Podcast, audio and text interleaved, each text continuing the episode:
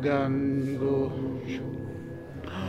konken monto kujoji gange nyorai shinjitsugi.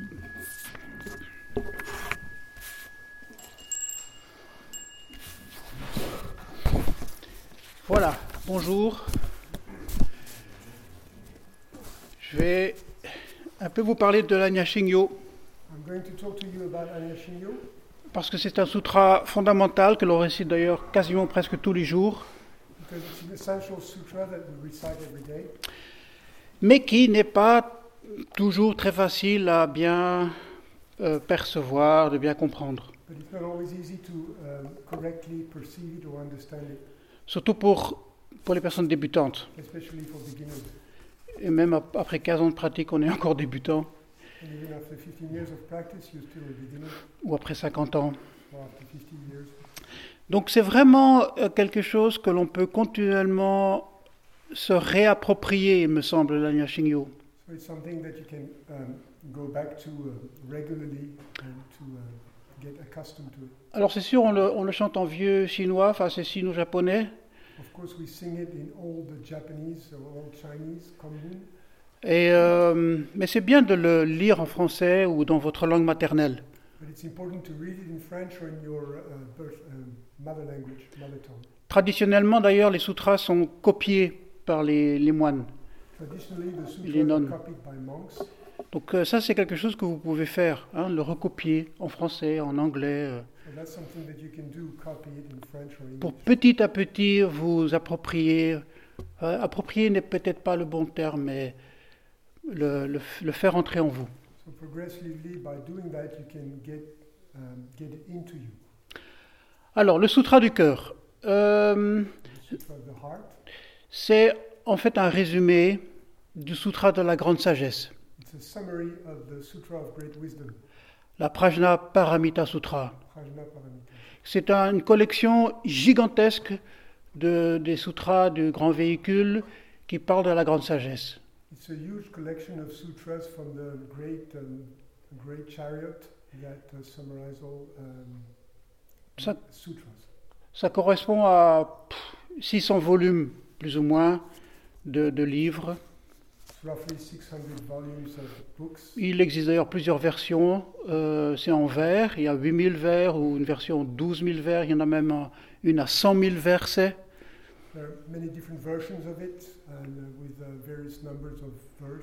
Il existe d'ailleurs des traductions en français, en anglais, de ce Prajnaparamita Sutra.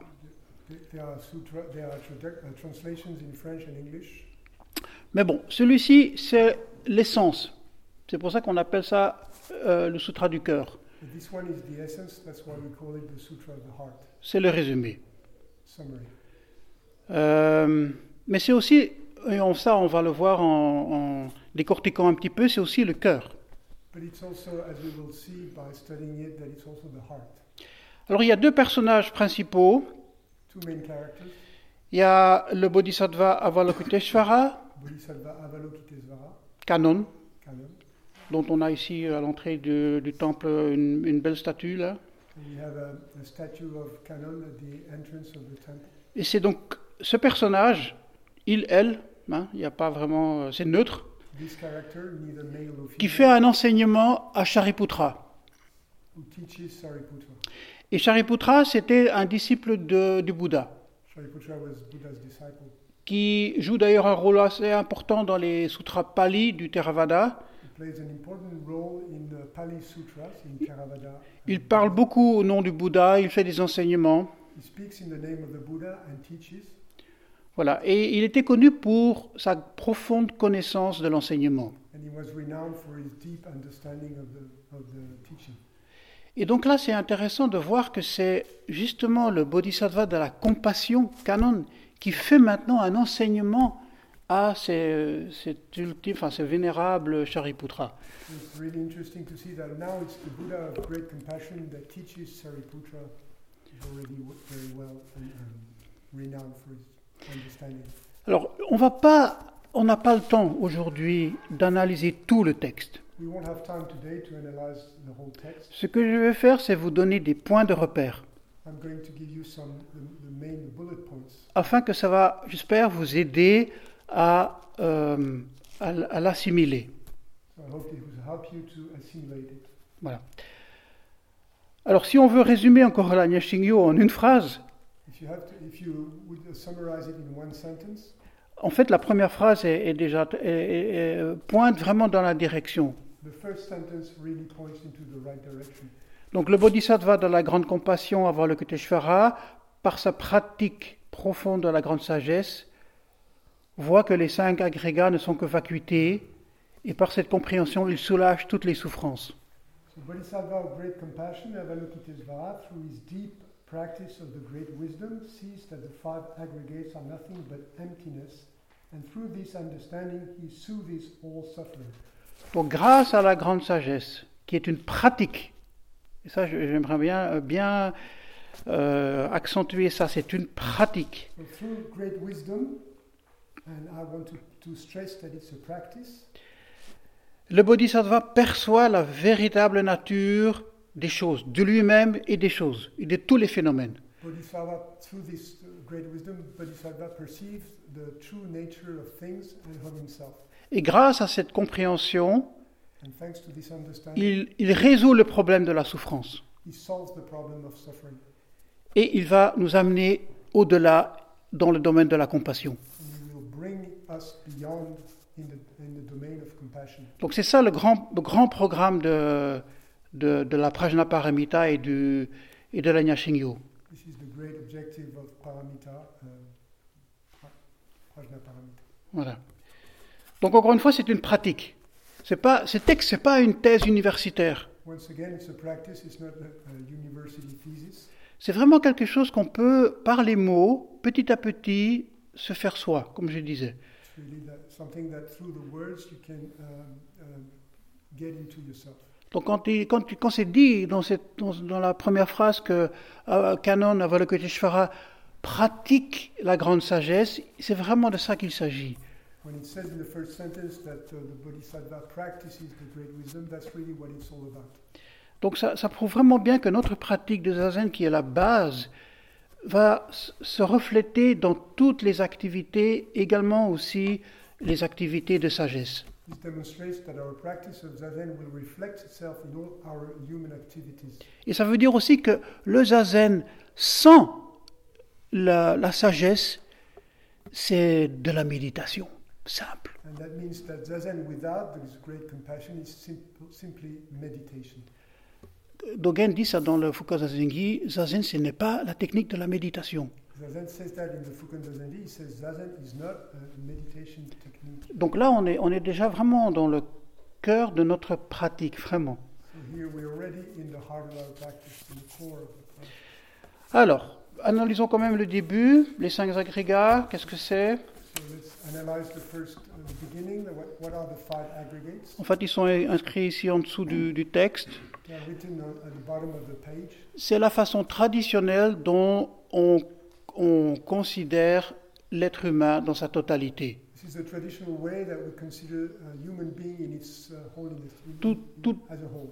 tous les composants All qui the nous components- constituent. All the components that constitute the human being.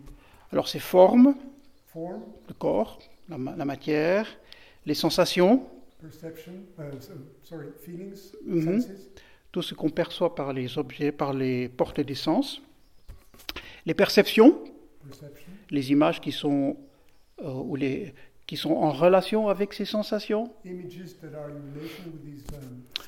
Les formations mentales, c'est la- ce qu'on va faire avec ce que l'on perçoit. Mental constructions, what you will do with this, these images, what you perceive. Dans le coussin là, du premier jour, j'avais parlé du chien de Pavlov, euh, la, la sonnette, et puis le chien salive. Et the, the, the bell, and then, and then the, the dog salivates. ben, on, on fonctionne beaucoup, beaucoup comme ça. And we function very much that way. Et donc c'est ça, c'est ces formations mentales. Voilà, Qu'est-ce qu'on va faire avec les impulsions qu'on reçoit? These are mental formations. That's what are we going to do with the, the senses that we receive? Et la conscience. And consciousness. Donc là, c'est- cette fabuleuse euh, euh, façon que, l'être humain possède de- d'être conscient de, de- de tout ça. This uh, great, um, this great um, capacity that has the human being to perceive all of this et de se percevoir soi-même en tant qu'être conscient. and perceive his, himself, himself as um, a sentient being. Donc tout cela est vacuité. Alors le mot vacuité, quand on entend ça, on dit ok, ça va. Bon, je ne comprends rien. All this is vacuity, so when you hear that, of course, you don't understand anything. Ok, on va faire ça on va faire autre chose. hein. Okay, let's do something else. Euh, en fait, c'est pas si difficile. Il faut simplement aborder le terme par la bonne, par la bonne entrée. It's not that difficult. You just have to um, consider emptiness through the right um, um, angle. Vacuité ne veut pas dire rien du tout. Emptiness doesn't mean nothingness. On va, on va commencer par avoir le synonyme, enfin, on va dire la chose qu'on ne peut pas saisir. On ne peut pas délimiter, on ne peut pas se l'approprier continuellement et en faire quelque chose de fixe et immuable. You cannot delimitate it, you cannot grasp it, size it, and you cannot make it permanent. C'est sûr qu'on n'est pas habitué en Occident surtout à penser les choses en termes négatifs. It's true that we're not very used, uh, so much uh, used in, our, in um, Occident to think about things as, as um, this way. Donc ça demande un peu un, un entraînement mental pour ça. So you need uh, mental training to consider things that way. Donc vacuité, c'est absence de quelque chose qu'on pourrait saisir. So emptiness is the, the absence of something that you could size, you could grasp. Voilà, donc ça c'est un bon début. Si vous, si vous voyez le mot vacuité ou le mot vide, qui est peut-être moins, moins intéressant, je ne sais pas, pensez toujours à ça. Absence de quelque chose qu'on peut saisir. Alors, voilà, ça c'est le constat qu'il fait, et un constat que l'on fait tous quand on est en zazen. Enfin, à la pratique de zazen nous amène à ça.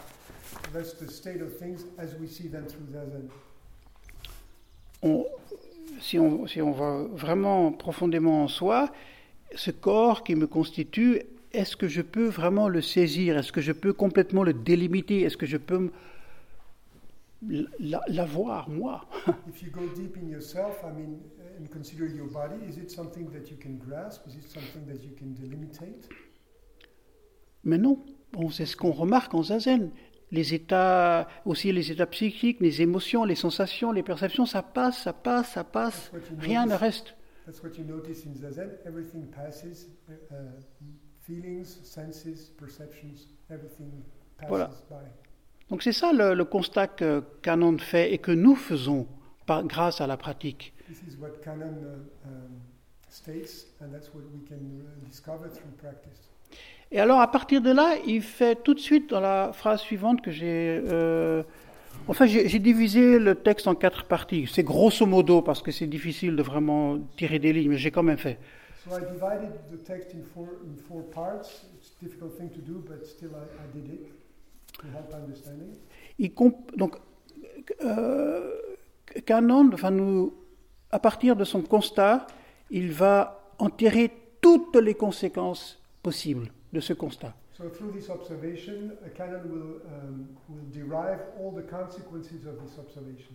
Et il va dire, c'est pas seulement les cinq agrégats, mais c'est toutes les formes qui sont vacuités. So he will say that not only is it five, the five aggregates that are emptiness, but every every form that exists is vacuity. Et, et vice-versa. La vacuité, ce n'est rien d'autre que toutes les formes. And vice versa, vacuity is actually. Et, et- et toutes les interactions infinies qui existent entre toutes ces formes. Impossible à, à s'appre- à- à prendre. And all the infinite uh, interactions between these uh, phenomena that are impossible to grasp, to understand.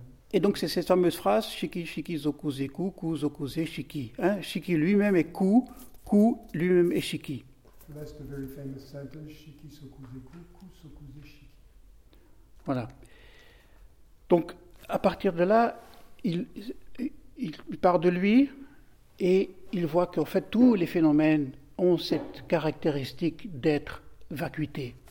So, from his observation, he sees that all phenomena are vacuity. Et là, on va commencer donc cette deuxième partie qui est absolument formidable. So that, then we'll start with the second part of the text. Donc tout, tout le numéro 2 là, où c'est toutes les négations les unes après les autres. So it's all negative um, assertions in the second part. En fait, ce qu'il va faire, c'est il, il va complètement déconstruire tout ce que l'on pense avoir compris sur nous, sur le monde, sur, les, sur, sur, sur la vie, etc. Il va complètement démonter ça. So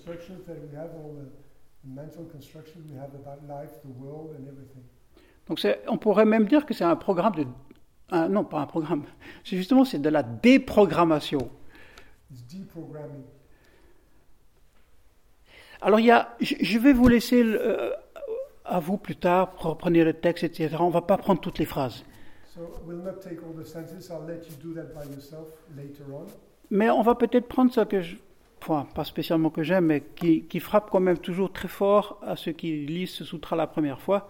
And I will select a few that strike the mind when you read it for the first time. C'est ce fameux dans la vacuité, il n'y a ni œil, ni oreille, ni nez, ni langue, ni corps, ni conscience.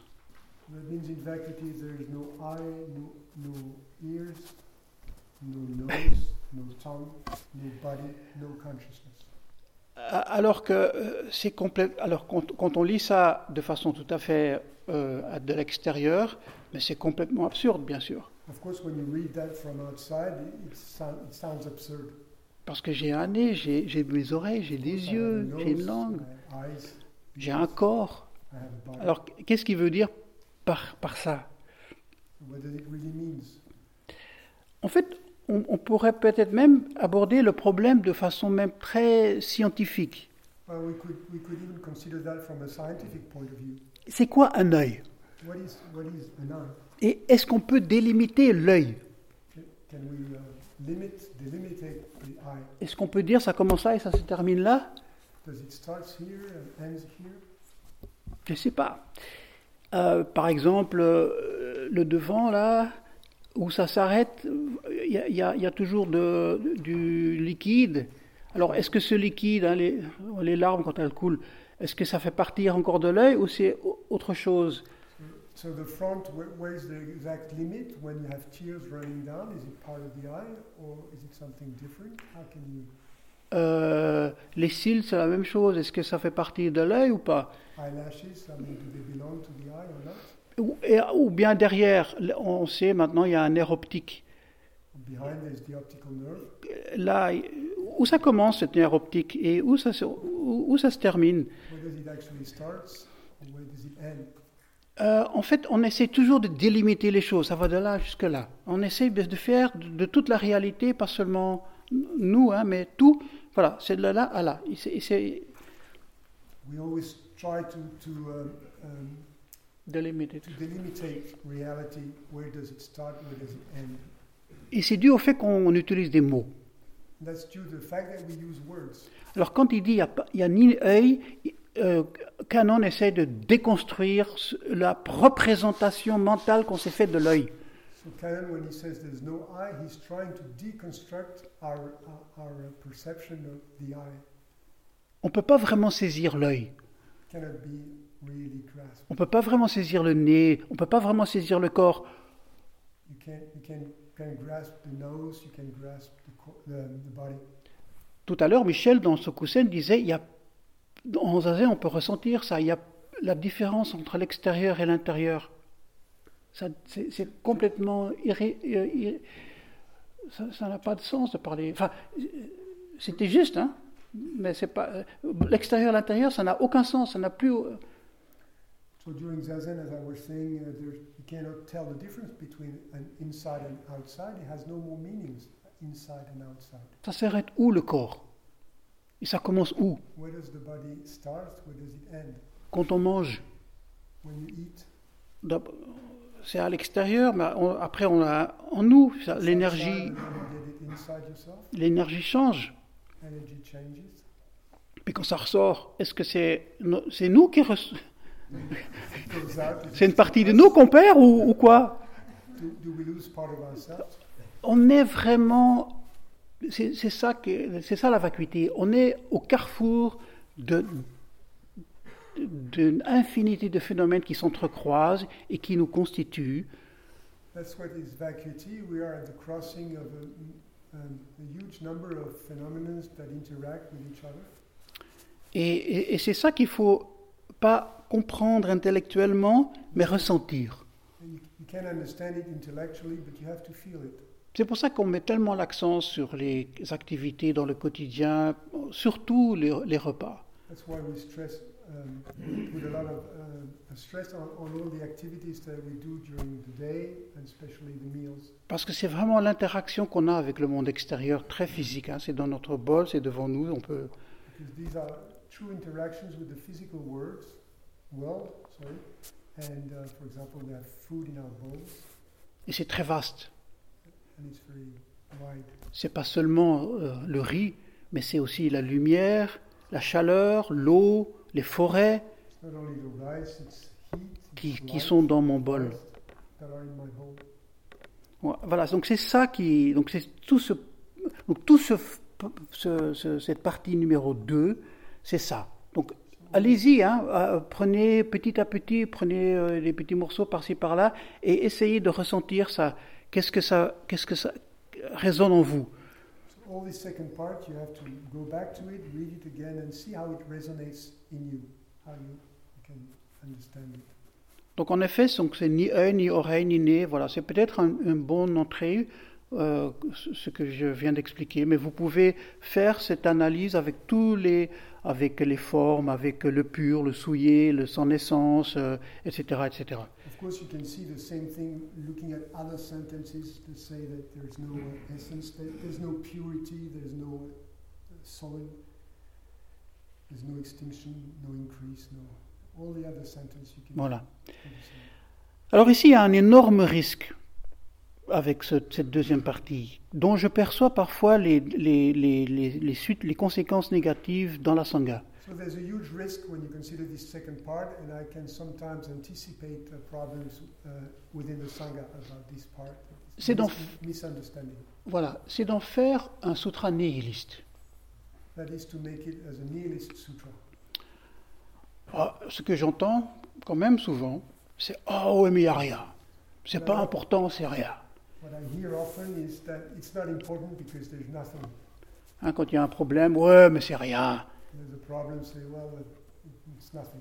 Voilà, on devient nihiliste. On peut, de- c'est un risque. Je ne dis pas que c'est toujours le cas, mais c'est un risque réel. Il faut vraiment prendre conscience de ça.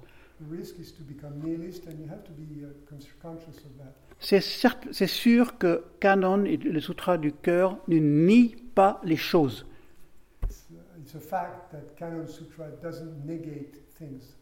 Il nie ou il déconstruit nos illusions. C'est ça. Que, nos, rep- nos représentations mentales que l'on s'est fait euh, avec l'éducation, la culture et tout. our mental representation that come from our education. Donc ça c'est un, un risque, il faut être conscient et ne pas tomber dans ce, dans ce piège. Don't fall in this trap. Le deuxième risque, c'est de faire de cette vacuité un concept. C'est pas un concept, c'est quelque chose de physique. C'est vraiment, c'est de l'interaction, c'est du changement, c'est de la, c'est de l'évolution, c'est de la transparence. Voilà, c'est, c'est du fluide. Voilà, c'est ça la, la, la vague. Donc c'est vraiment, on peut, on peut, on peut la ressentir. On peut, on, nous sommes la vacuité. We are vacuity. You can feel it. En fait, c'est, la façon dont la réalité fonctionne elle-même. S'il n'y avait pas la vacuité, les choses seraient éternellement fixes et il n'y aurait aucune évolution. Wasn't for vacuity, things would be uh, permanently fixed, and there would be no possible evolution. Donc, euh, grâce à ça, grâce à la vacuité, on peut s'éveiller, par exemple. So thanks to vacuity, you can awaken. S'il n'y avait pas cette façon que, dont l'univers fonctionne, on ne pourrait pas devenir des Bouddhas. If the universe didn't function that way, we couldn't become Buddhas. Voilà, donc ne faites pas de la vacuité un truc, don't make, don't make vacuity a thing, quelque chose, encore une fois, délimité, dans une petite boîte. box. On continue. Il va commencer à augmenter la vitesse, la canon. Let's go on. Uh, um, Canon is taking speed. Ouais, taking speed, oui, en effet. Parce qu'à la fin de ce deuxième partie, il va dire, et je l'ai souligné la phrase, il n'y a ni souffrance, ni cause, ni cessation, ni sentier. There's neither suffering, no causes, no ending, no path. Alors pour les, les gens un peu malins entre nous, on voit ici, qu'est-ce qu'on voit ici? Les quatre nobles vérités. So from, from those of us clever, you can see the four noble truths in this sentence. Il n'y a ni dukkha, Ni l'origine de dukkha, ni éveil, cessation de dukkha, et ni sentier, ni l'octuple sentier. C'est quand même très étonnant que dans ce sutra euh, bouddhiste, il, il- il est en train de nier le, le- le premier serment du Bouddha historique.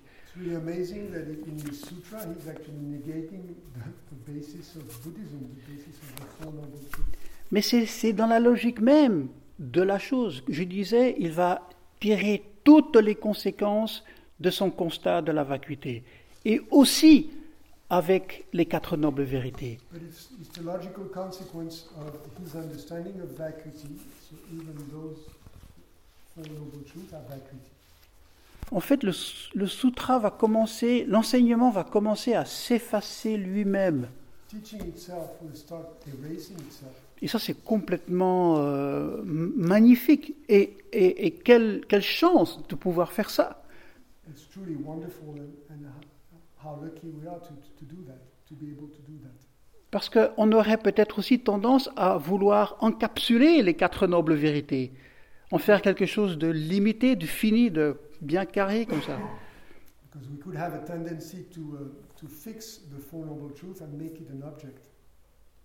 Et en fait, il, est vraiment complètement dans cette logique de déconstruction, et même les quatre nobles vérités qu'il nie pas, il nie pas les quatre vérités, mais il n'en fait, pas un concept, il, il en fait quelque chose qui est transparent, qui est fluide, qui est, voilà, qui est vacuité.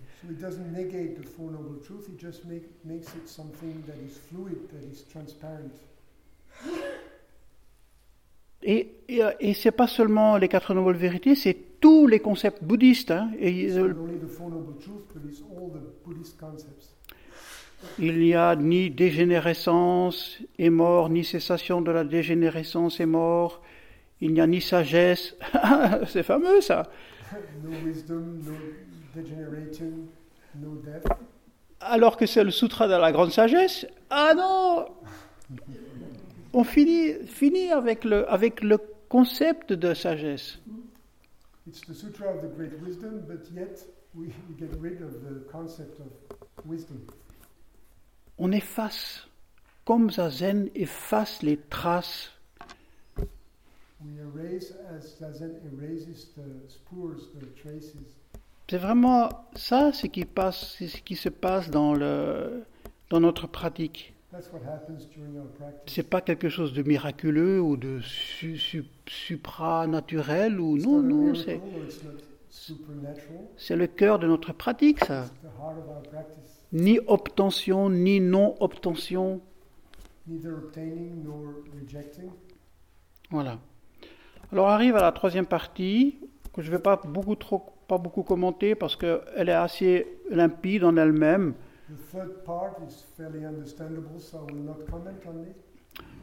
Il dit, il parle de la non-peur, il connaît la non-peur. Uh.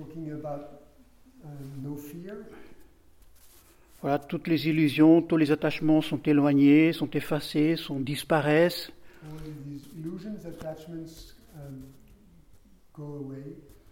Et il dit, pour terminer cette partie-là, tous les Bouddhas ont pratiqué ça. Alors on arrive à la fin, So we come to the end, qui est quelque chose d'absolument merveilleux. which is something that's truly wonderful. Parce que du fait qu'il a effacé petit à petit le- l'enseignement lui-même, ce sutra va se transformer.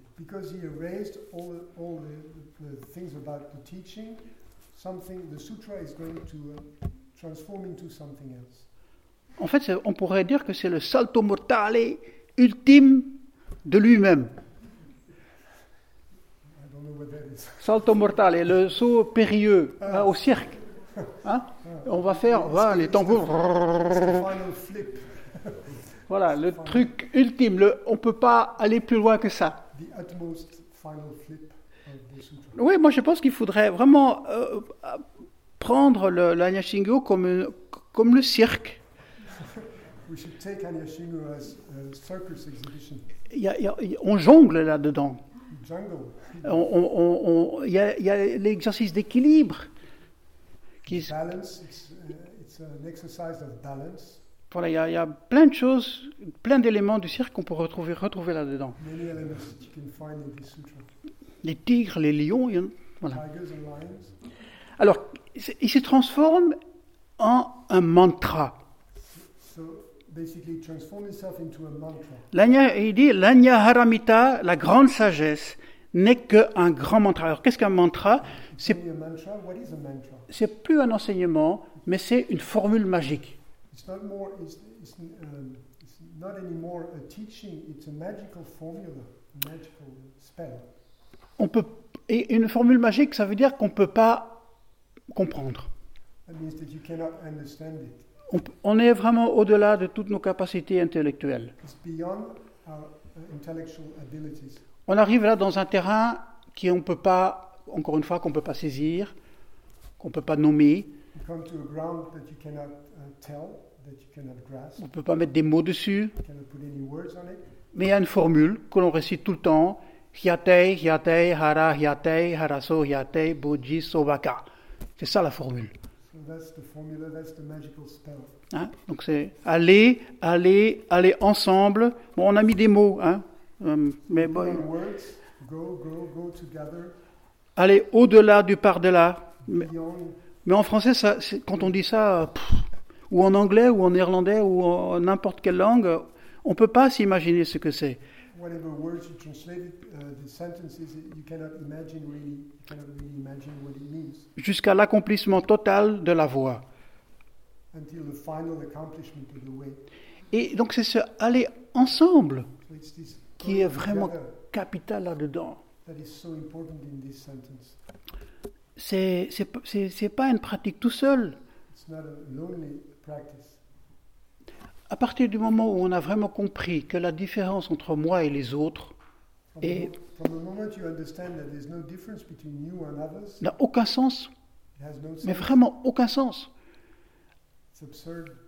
On ne peut être qu'avec les autres, dans leur souffrance, dans leur joie, dans leur, dans leur vie, dans leur... euh, on ne peut être qu'en harmonie avec, you can only be in harmony with avec les autres, avec l'univers, avec les plantes, les arbres, les... Et ça, c'est quelque chose qu'on peut vraiment ressentir très fort quand on est, on fait une session euh, de neuf jours. Petit à petit, on, on- on ressent ça, il me semble. Uh, uh, Donc. C'est vraiment une, ex- une expérience, c'est pas un truc, encore une fois, intellectuel. Uh. Donc, à partir de la pratique de la grande sagesse, petit à petit, Canon nous amène dans, le, dans cet immense terrain de jeu qui est la compassion. So through this sutra, Canon brings us to the, this ground of compassion, of full compassion. Parce que c'est sûr que la sagesse en elle-même ne sert à rien. Because the true thing is that wisdom itself is meaningless. S'il n'y a pas un fruit qui, comment dirais-je, qui, qui va apparaître et qui va nourrir les autres, le- le- There's no fruit that, that comes by, through this wisdom cette sagesse restera quelque chose de tout petit et de limité. Et donc, mais c'est pas ça notre pratique. Notre pratique, c'est d'ouvrir tout ça. Et donc, cette sagesse va en effet à nous amener dans, à cette- dans ce terrain de jeu, de, des, interactions que l'on a avec, euh, avec tout un chacun. Voilà. Donc euh, c'était ça ce que je voulais vous expliquer. Donc prenez ce sutra avec vous, euh, protégez-le. hein. Maître Dogen parle de ça aussi. hein, on- and protect it. euh, Il n'y a, pas seulement, il y a réciter les sutras, il y a une pratique. On fait ça dans le dojo. that's what we do in the dojo. Euh, copier, shakyo, copier les sutras, c'est une pratique aussi. Mais protéger les sutras, bien les garder, leur donner un, un bel emplacement chez vous, uh. Encore une fois, il n'y a, rien de pr- il y a rien de magique là-dedans, mais simplement, c'est- c'est- c'est- dans ce texte se trouve vraiment le, le cœur de nous. Et prenez-le prenez, prenez-le de temps en temps pour relire et une phrase ou l'autre, et puis laissez-la euh, la digérer avec sa zen. Get back to this text uh, regularly and take one sentence or another and try to make it sink in yourself. Voilà. Allez, bonne pratique.